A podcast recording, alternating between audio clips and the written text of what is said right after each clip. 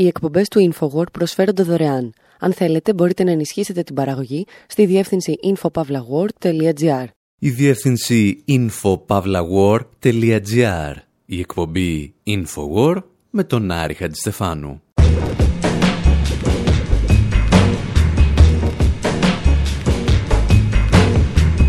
όπου σήμερα αφήνουμε τα πολλά λόγια και παρουσιάζουμε το top 10 των τραγουδιών για τον Edward Snowden, τον πληροφοριοδότη δημόσιου συμφέροντος που άλλαξε την πορεία της ανθρωπότητας.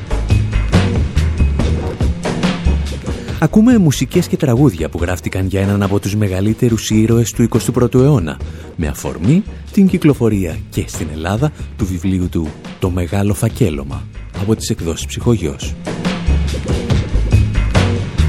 αφήνουμε τον ίδιο να μας εξηγήσει πώς στείνεται και πώς λειτουργεί η κοινωνία της κατασκοπίας και της διαρκούς επιτήρησης. Συμμαχή μας σε αυτό το ταξίδι δέκα συγκροτήματα και δημιουργεί όπως ο Πίτερ Γκάμπριελ αλλά και ο Ζαν Μισελ Ζάρ, με τον οποίο σκεφτήκαμε να ξεκινήσουμε. I think, you know, saying that you don't care about the right to privacy because you have nothing to hide is no different than saying you don't care about freedom of speech because you have nothing to say. Uh, it's a deeply anti-social principle because rights are not just individual, they're collective. And what may not have value to you today may have value to an entire, you know, population, an entire people, uh, or an entire way of life tomorrow. And if you don't stand up for it, then who will? And if you don't stand up for it, then I will.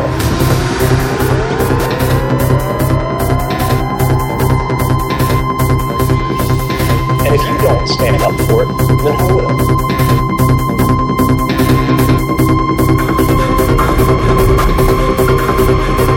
And if you don't stand up for it, then I will.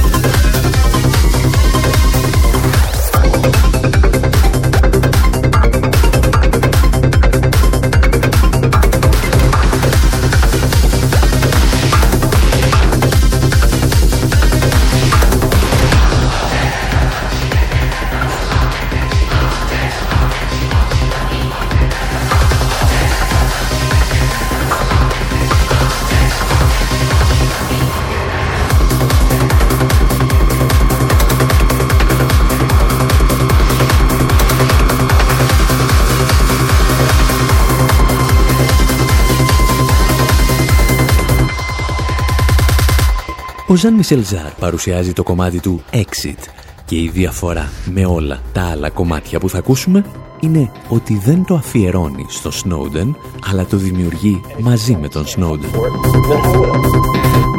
Αμέσως μετά τις αποκαλύψεις για τη δράση της NSA, ο Ζαν Μισελ Ζάρ επικοινωνεί με την εφημερίδα Guardian, η οποία τον φέρνει σε επαφή με το κρυσφύγετο του Snowden στη Μόσχα.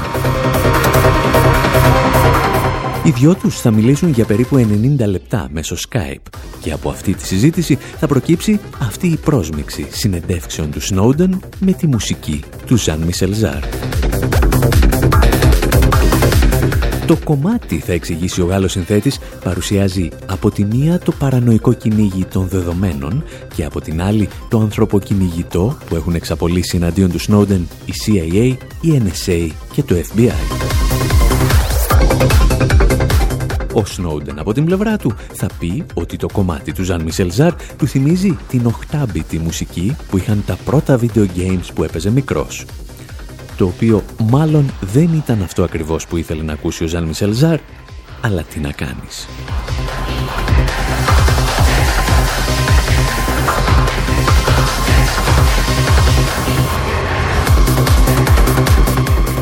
Το βέβαιο είναι ότι ο Ζαν Μισελζάρ θα χρησιμοποιήσει ίσως την πιο γνωστή και εύστοχη φράση που έχει εξτομίσει ποτέ ο Σνόντεν και την είπε για πρώτη φορά σε μια συνέντευξή του στον Guardian. People who say uh, they don't care Όσοι λένε ότι δεν τους ενδιαφέρει η ιδιωτικότητα επειδή δεν έχουν τίποτα να κρύψουν, δεν έχουν σκεφτεί βαθιά για το θέμα. Αυτό που λένε στην πραγματικότητα είναι δεν με ενδιαφέρει αυτό το δικαίωμα. Όταν λες δεν με νοιάζει το δικαίωμα στην ιδιωτικότητα επειδή δεν έχω τίποτα να κρύψω, είναι περίπου σαν να λες δεν με νοιάζει το δικαίωμα στην ελευθερία του λόγου γιατί δεν έχω τίποτα να πω. Ή στην ελευθερία του τύπου γιατί δεν έχω τίποτα να γράψω.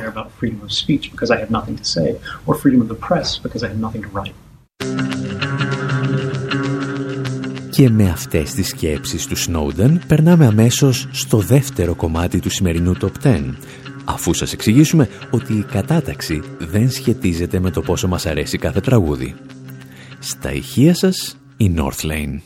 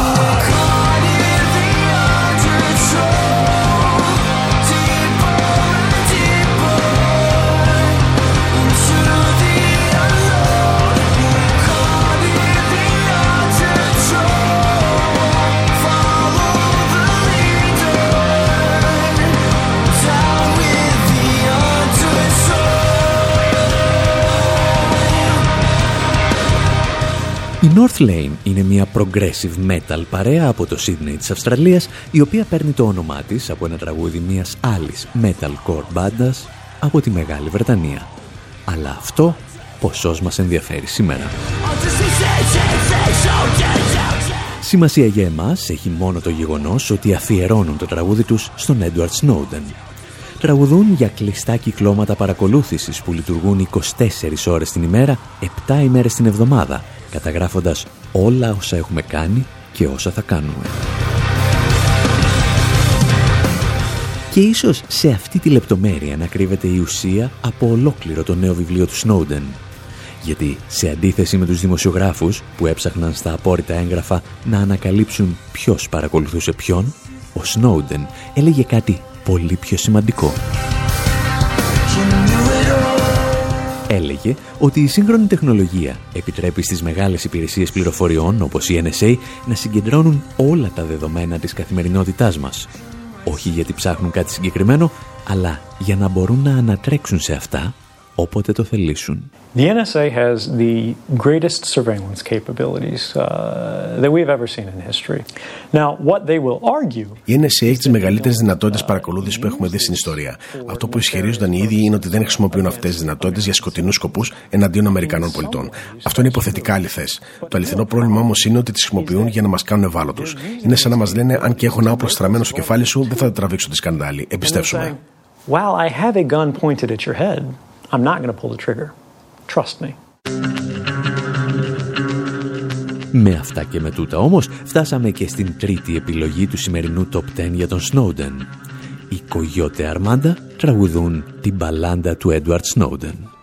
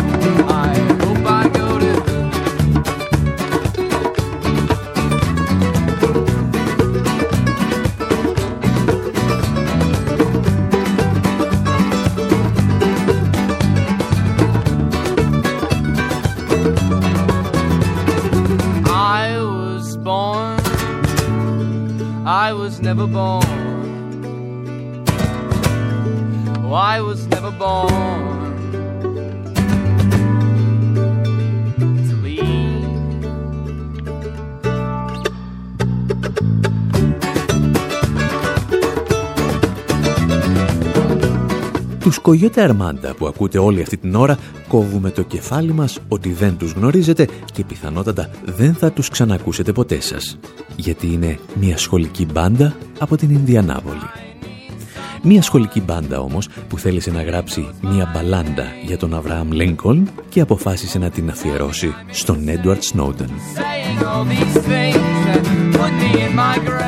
Και όπως εξηγούν και στο κανάλι τους στο YouTube, αν μας ακούτε από την κυβέρνηση, να ξέρετε ότι δεν ξέρουμε τίποτα για τον Σνόντεν, αγαπάμε την Αμερική και μισούμε τους κομμουνιστές.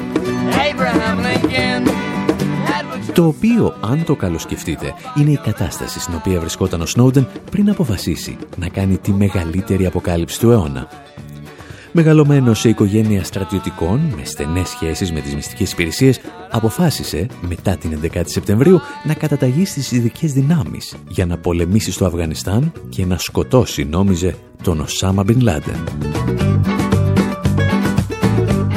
Και σε αυτό ακριβώς το σημείο βρίσκεται νομίζουμε το μεγαλείο του. Ο Σνόντεν κατάφερε να μετατραπεί χωρίς καμία εξωτερική βοήθεια από έναν μιλιταριστή εθνικιστή στον άνθρωπο που θα θυσίαζε τη ζωή του για ολόκληρη την ανθρωπότητα. Στο βιβλίο του αναρωτιέται και ο ίδιος πώς γίνεται μια χώρα που έχασε περίπου 3.000 ανθρώπους στις επιθέσεις της 11 Σεπτεμβρίου να αρχίσει να σκοτώνει εκατοντάδες χιλιάδες ανθρώπους σε όλο τον κόσμο και κάποιοι να πιστεύουν ότι έχει και το δικαίωμα να το κάνει. Ο Σνόντεν φτάνει στο σημείο να θεωρεί τον πατριωτισμό σαν ένα πρώτο σκαλοπάτι για τον εθνικισμό, ακόμη κι αν σε όλο το βιβλίο εξηγεί πόσο αγαπάει τη χώρα του και θέλει να επιστρέψει σε αυτήν. Και όταν τον ρωτούν αν είναι πατριωτικό να παραβιάζει τις συμφωνίες εμπιστευτικότητας που είχε υπογράψει, αυτός απαντά «Εγώ δεν έδωσα κανέναν όρκο εμπιστευτικότητας σε καμία υπηρεσία και σε καμία κυβέρνηση. Ορκίστηκα απλώς να υπηρετώ το Σύνταγμα. Δεν υπάρχει όρκος εμπιστευτικότητας, αν και πολλοί άνθρωποι πιστεύουν ότι υπάρχει. Υπάρχει όρκος υπηρεσίας. Και αυτόν τον όρκο δεν τον δίνεις για την NSA, δεν τον δίνεις για την κυβέρνηση. Τον δίνεις για την προστασία του συντάγματος απέναντι σε κάθε εχθρό, ξένο και εγχώριο. Υπάρχει βέβαια μια συμφωνία εμπιστευτικότητας η οποία πάνω κάτω λέει τα εξής. Τώρα που ξέρω όλα τα μυστικά, δεν θα τα αποκαλύψω σε κανέναν. Τι γίνεται όμως αν αυτό έρχεται σε σύγκρουση με τον όρκο σου, αν δηλαδή αυτό που βλέπεις είναι ότι η κυβέρνηση παραβιάζει το Σύνταγμα, τότε την έχεις πατήσει. Αν προσπαθήσει να εξηγήσεις τι έγινε και γράψεις ένα βιβλίο για το πώς έγινε και πώς θα το αντιμετωπίσουμε, πρέπει να το στείλεις σε CIA και να την αφήσεις να επιμεληθεί την ιστορία της ζωής σου. Εσύ θα το έκανες αυτό;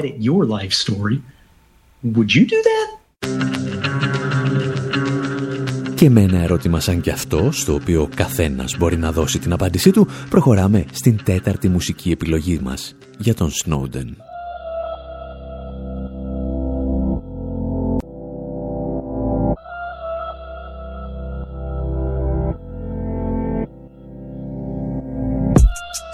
Never knowing someone come and try to take my life. I be sleeping with the 45 like every night. In the whip, I pray to God I don't see flashing lights. God damn, they right behind me. And I wake up every day, I wake up every day with this anxiety.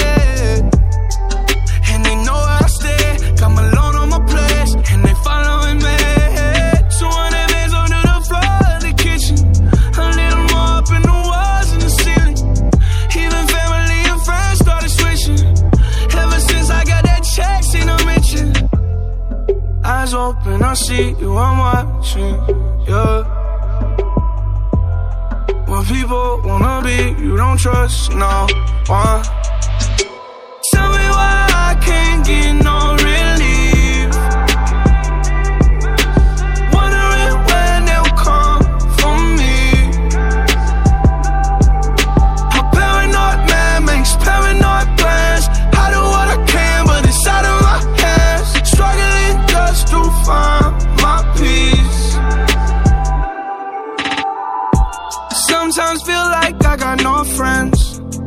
Trust a soul like I'm Snowden. Right by the bed, keep it loaded. Lord have mercy, if they broken. I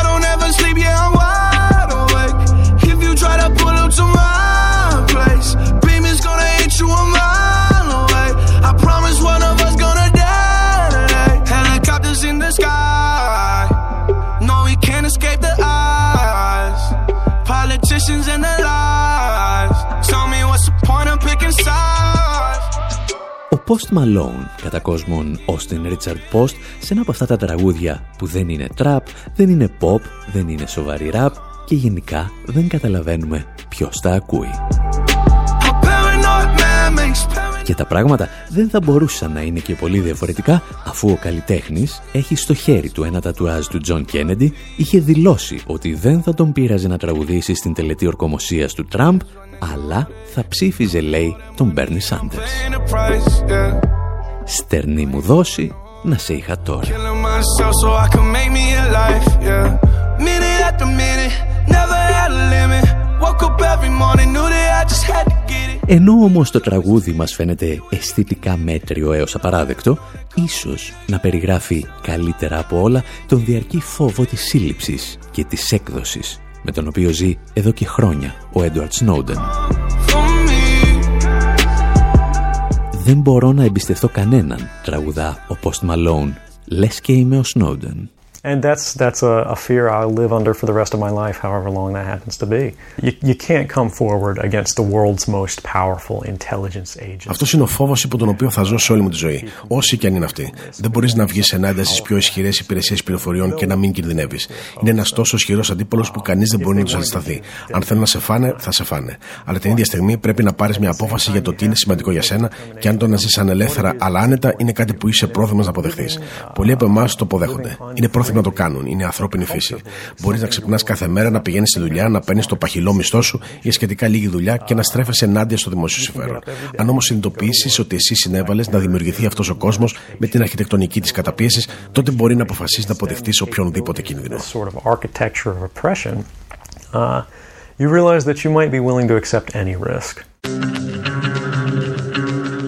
Εμείς πάντως κάπου εδώ σας αφήνουμε για το πρώτο μέρος της εκπομπής στα χέρια των Λάιμπαχ με ένα τραγούδι για τους whistleblowers και επιστρέφουμε με τα υπόλοιπα τραγούδια από το Top 10 του Edward Snowden στο δεύτερο μέρος της εκπομπής.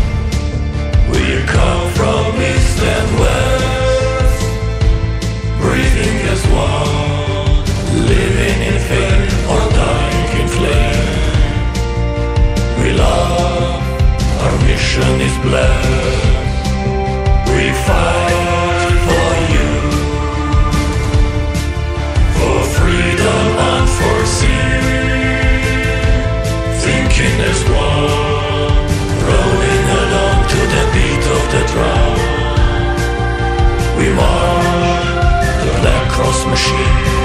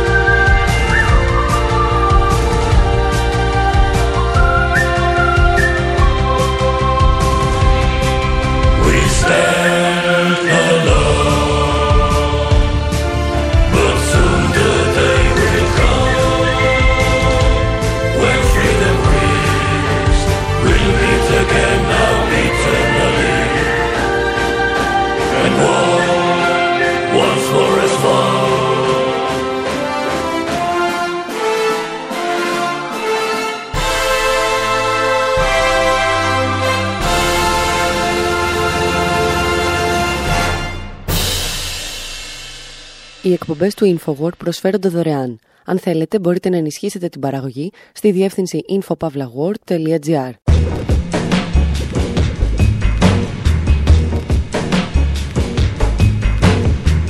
Εκπομπή InfoWord, μέρος δεύτερο όπου συγκεντρώσαμε και σας παρουσιάζουμε 10 τραγούδια για τον Έντουαρτ Σνόουντεν με αφορμή την κυκλοφορία και στα ελληνικά του συναρπαστικού βιβλίου του με τίτλο «Το Μεγάλο Φακέλωμα». Ακούμε τον ίδιο από δηλώσεις που έχει κάνει από το 2013 έως σήμερα, οπότε ζει ως φυγάς από τη CIA, την NSA, το FBI και ό,τι άλλα τρία αρχικά έχει δημιουργήσει το Αμερικανικό κράτος. Στην έκτη θέση της σημερινής μας κατάταξης πάντως βρίσκεται ο Πίτερ Γκάμπριελ.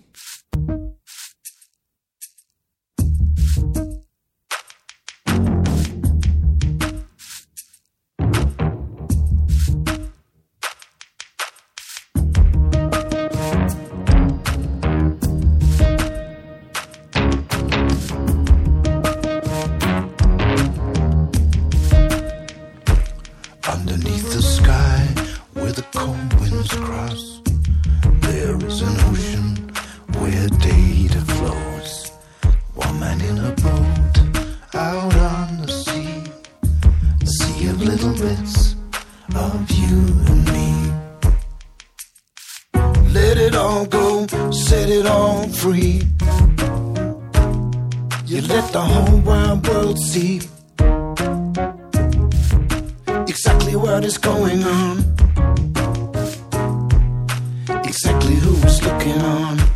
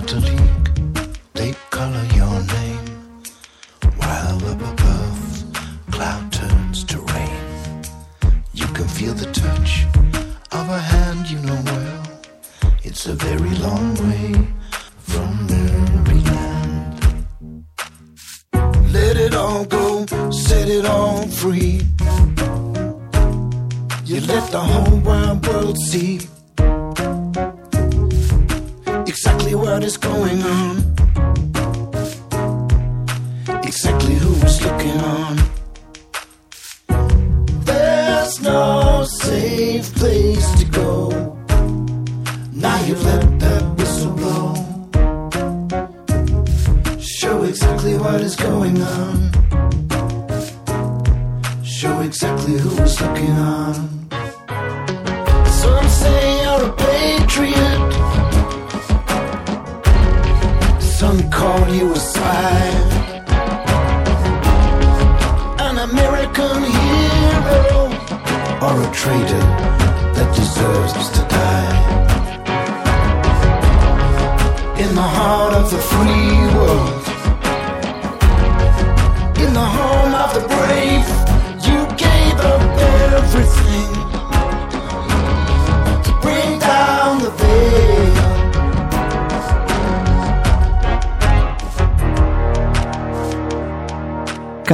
Σε βλέπουν σαν πατριώτη και κάποιοι σαν προδότη που πρέπει να πεθάνει, τραγουδά ο Πίτερ Γκάμπριελ για τον Έντουαρτ Σνόουντεν. Και φυσικά ο ίδιος ξέρει από ποια πλευρά της ιστορίας πρέπει να σταθεί. Από τη στιγμή που φύσηξε σε αυτή τη σφυρίχτρα δεν υπάρχει κανένα σημείο στον κόσμο που να είναι ασφαλές για σένα και διάφορες ιστορίες αφήνονται να διαρρεύσουν για να λερώσουν το όνομά σου, συνεχίζει ο Πίτερ Γκάμπριελ συνεχίζει σε ένα τραγούδι που γράφτηκε για την ταινία Snowden του Oliver Stone.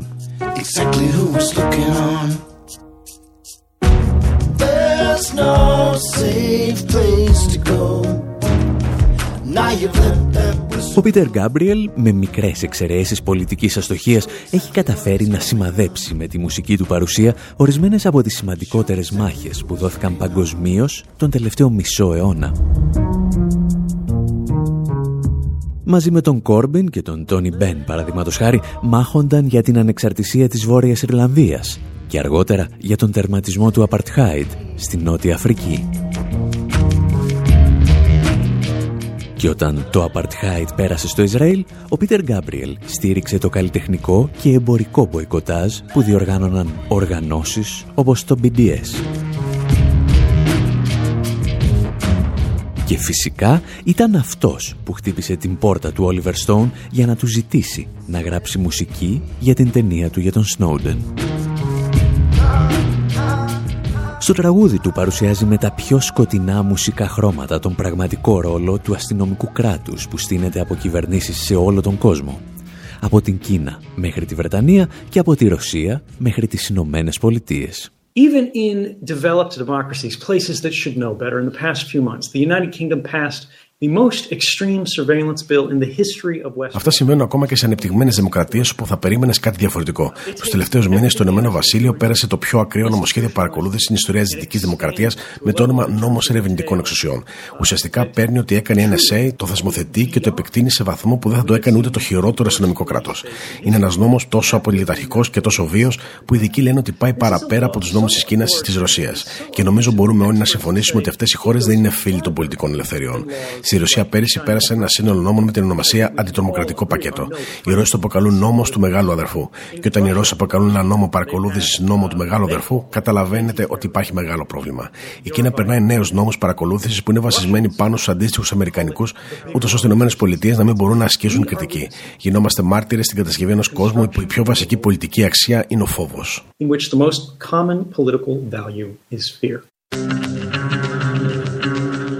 Αυτή η αίσθηση του φόβου κυριαρχεί και στο επόμενο τραγούδι που επιλέξαμε για τον Snowden από τον γερμανό ράπερ Prince P.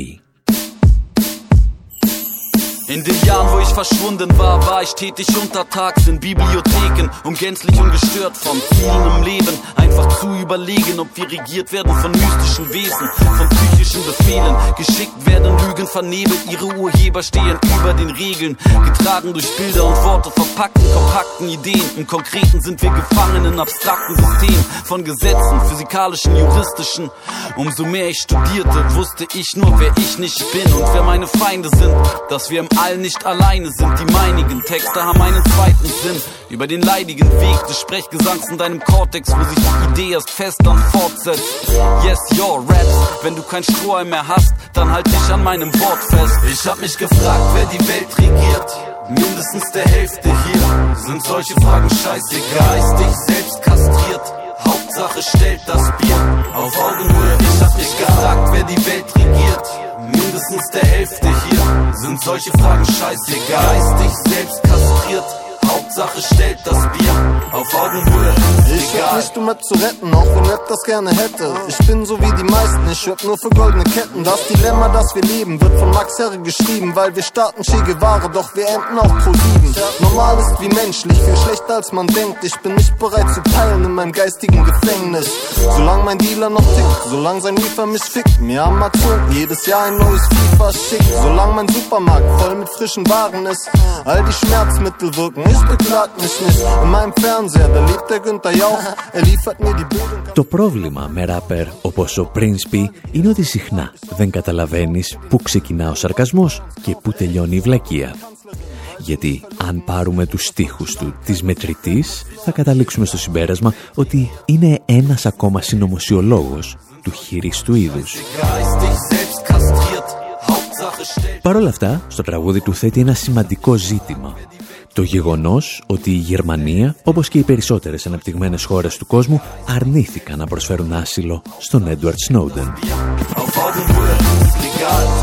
Και αυτό παρά το γεγονός ότι οι αποκαλύψεις του τελευταίου επέτρεψαν στην Άγγελα Μέρκελ να καταλάβει ότι οι Αμερικανικές υπηρεσίες πληροφοριών παρακολουθούσαν ακόμη και το κινητό της τηλέφωνο.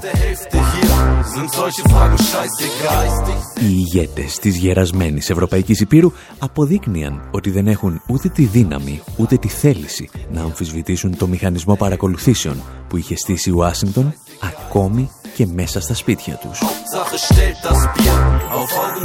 Ίσως γιατί είχαν μεγαλύτερη ανάγκη να δανείζονται από τις Ηνωμένες Πολιτείες τεχνολογία και τεχνογνωσία για να παρακολουθούν τους πραγματικούς αντιπάλους τους, δηλαδή τους πολίτες τους. Surveillance technologies have outpaced democratic controls. A generation ago, surveillance was extremely expensive. There was a natural limitation Οι τεχνολογίες παρακολούθησης έχουν προχωρήσει γρηγορότερα από τους δημοκρατικούς ελέγχους. Μια γενιά πίσω, η παρακολούθηση ήταν εξαιρετικά δαπανερή και υπήρχαν φυσικά όρια στις δυνατότητές της. Οι κυβερνήσεις έπρεπε να ξοδέψουν τεράστια ποσά για να παρακολουθήσουν μεμονωμένα άτομα. Το να μάθει την τοποθεσία ενός ατόμου μπορεί να πετούσε πολλές ομάδες πρακτόρων που δούλευαν σε βάρδιες μέσα σε κτίρια και έξω στους δρόμους. Σήμερα όμως η δυναμική έχει αντιστραφεί. Ένας τύπος καθισμένος σε μια οθόνη μπορεί να παρακολουθήσει με ακρίβεια ένα φάνταστα μεγάλο αριθμό ανθρώπων. Για πρώτη φορά στην ανθρώπινη ιστορία είναι τεχνολογικά και οικονομικά εφικτό για τις κυβερνήσεις να δημιουργούν και να αποθηκεύουν σχεδόν ολοκληρωμένες αναφορές για την προσωπική μας ζωή. Αυτό δεν είναι επιστημονική φαντασία. Συμβαίνει τώρα.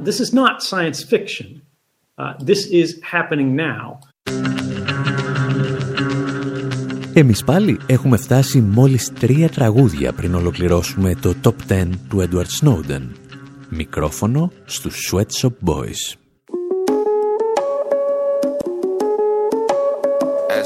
SSB shit.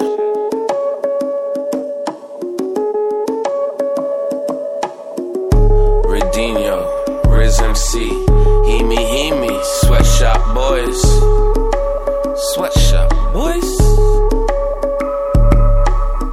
Hemi Hemi, I'm Queens born and bred, but Brooklyn where I make my bread, and Long Island where I make my bed, though. New York where I lay my head, yo.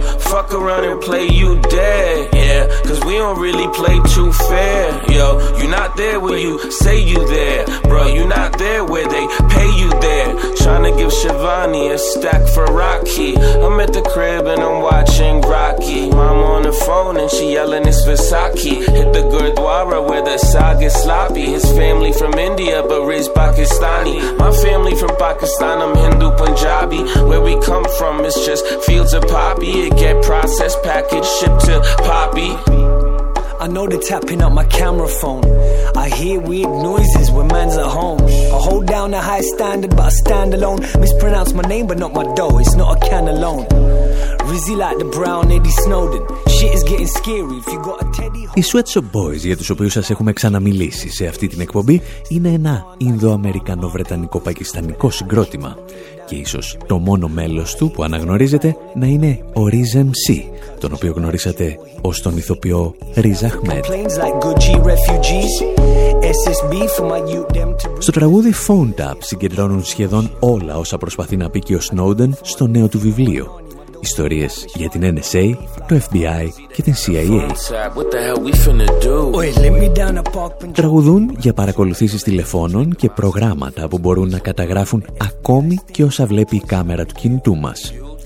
Και ενώ όλα αυτά έχουν αποδειχθεί ότι μπορούν να γίνουν, ίσως οι Sweatshop Boys να χάνουν λίγο αυτό που πραγματικά ήθελε να πει ο Snowden. They put the alphabet boys on our case. Yeah, NSA, CIA wanna put us in our place. Pull up in a Wraith, in the mirror it's the Jakes. We no new friends in case you're undercover snakes. Σε ένα από τα πιο ενδιαφέροντα σημεία του νέου του βιβλίου, ο Snowden εξηγεί ότι οι υπηρεσίες πληροφοριών δεν ενδιαφέρονται πρωτίστως για το περιεχόμενο μιας τηλεφωνικής συνομιλίας ή ενός email πολύ μεγαλύτερη σημασία έχουν τα λεγόμενα metadata που ακολουθούν τη συνομιλία ή το email. Metadata ονομάζουμε τις πληροφορίες που αποκαλύπτουν πότε μιλήσαμε στο τηλέφωνο, για πόση ώρα, που βρισκόμασταν σε αυτό το διάστημα, τι συσκευή χρησιμοποιούσαμε, ποιο δίκτυο και πολλά άλλα. Ουσιαστικά δηλαδή τα πάντα πέρα από το περιεχόμενο της συνομιλίας μας. Συνδυάζοντας όλες αυτές τις πληροφορίες, οι υπηρεσίες πληροφοριών μπορούν να έχουν μια πλήρη εικόνα για κάθε μας κίνηση, χωρίς να χρειαστεί να ακούσουν ούτε καν τι είπαμε. Γνωρίζουν άλλωστε ότι αν θέλαμε να κρύψουμε κάτι, δεν θα το λέγαμε στο τηλέφωνο. Τα metadata όμως τους αρκούν για να έχουν το πληρέστερο προφίλ της ύπαρξής μας ανά πάσα στιγμή. Και για να το κάνουν αυτό, εξηγούσε παλαιότερα ο Snowden, χρειάζονται όλες τις πληροφορίες που μπορούν να συλλέξουν από εσένα. ακόμη και αν δεν είσαι ύποπτος για τίποτα. The NSA specifically targets the communications of everyone. It ingests them by default. Η NSA συγκεκριμένα στοχεύει στις επικοινωνίες των πάντων. Τι συγκεντρώνει στο σύστημά της, τις φιλτράρει, τις αναλύει, τις μετράει και τις αποθηκεύει για κάποιο χρονικό διάστημα. Γιατί αυτός είναι ο πιο εύκολος και αποτελεσματικός τρόπος να επιτύχει τους σκοπούς της. Ενώ λοιπόν θεωρητικά στοχεύουν σε άτομα που σχετίζονται με ξένες κυβερνήσεις ή κάποιον που υποπτεύονται για δημοκρατία, στην πραγματικότητα συγκεντρώνουν τις δικές σου επικοινωνίες για να το καταφέρουν.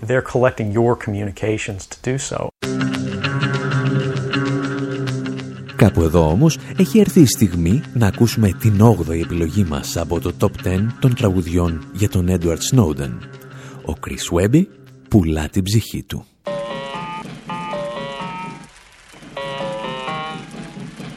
Why don't you sell your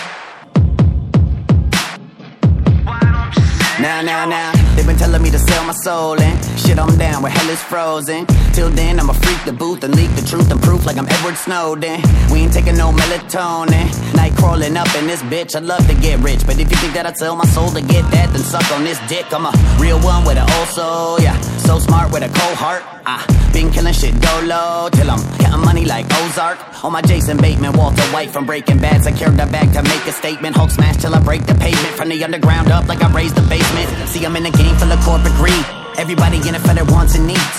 They're letting go of integrity just to be a celebrity, and it's not what I was born to be. I'm the people's champ, I took my chance, and now I'm on. See my numbers up, my crowd is strong. And the game full of hot today, gone tomorrow rappers who will not be around for long. I outlast them, that and out rap. I'm seeing the dark days, but now the clouds passing. Still independent, still I found passion And smashing these motherfuckers down to fragments. Metaphorically speaking, cause I'm not a thug, but my words will turn into a sword when I'm preaching and slaughter these heathens, and then go to war with my demons that tell me to Sell your soul.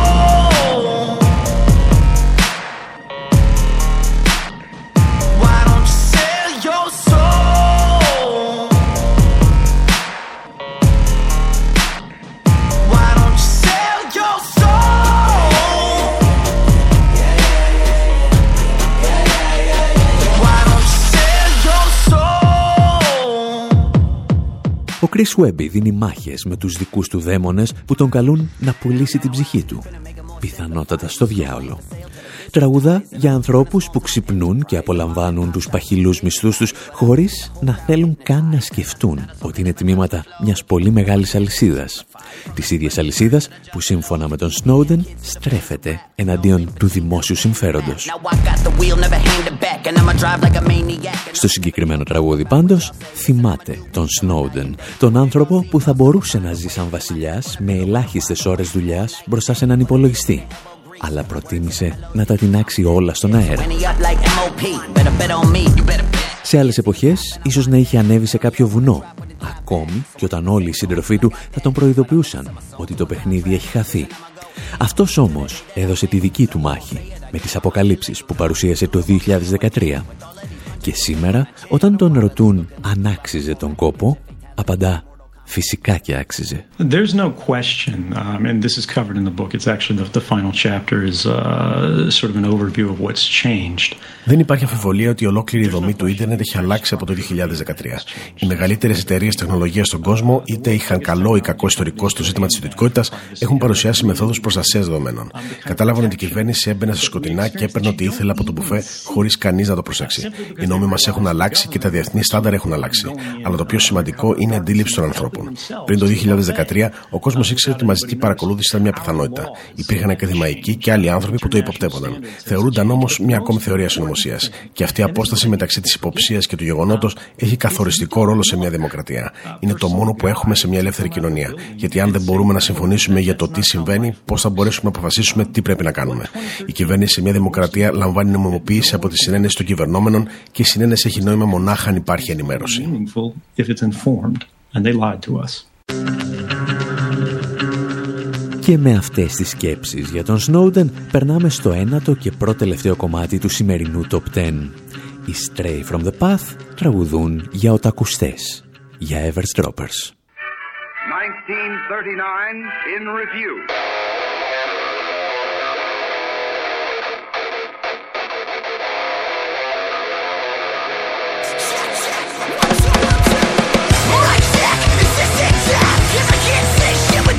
being hacked. My tech is this exact.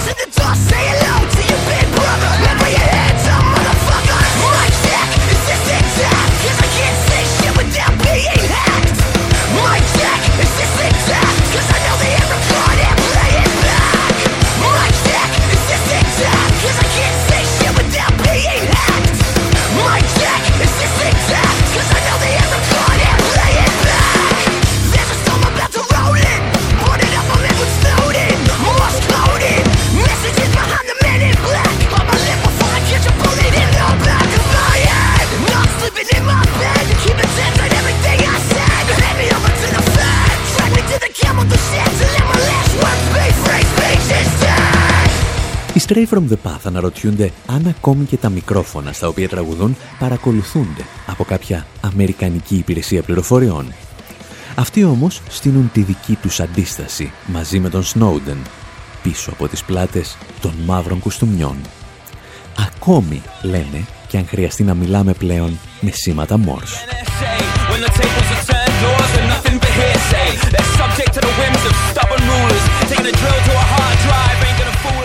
Εμείς πάλι, κάπου εδώ, λέμε να σας αφήσουμε και για αυτή την εβδομάδα με το δέκατο και τελευταίο κομμάτι που ανακαλύψαμε για τον Edward Snowden.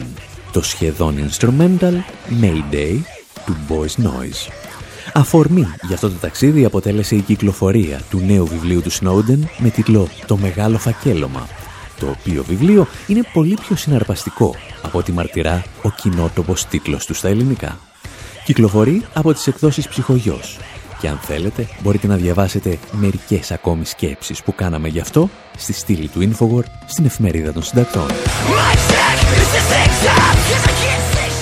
Μέχρι την επόμενη εβδομάδα πάντως, από τον Άρη Χατζηστεφάνου στο μικρόφωνο, τον Ανδρέα Κρουσιαρή στις μεταφράσεις και τον Δημήτρη Σταθόπουλο στη συνολική τεχνική επιμέλεια, γεια σας και χαρά σας. You have nothing left but destruction. But destruction. But destruction. But destruction. But destruction. You have nothing left but destruction. But destruction. But destruction.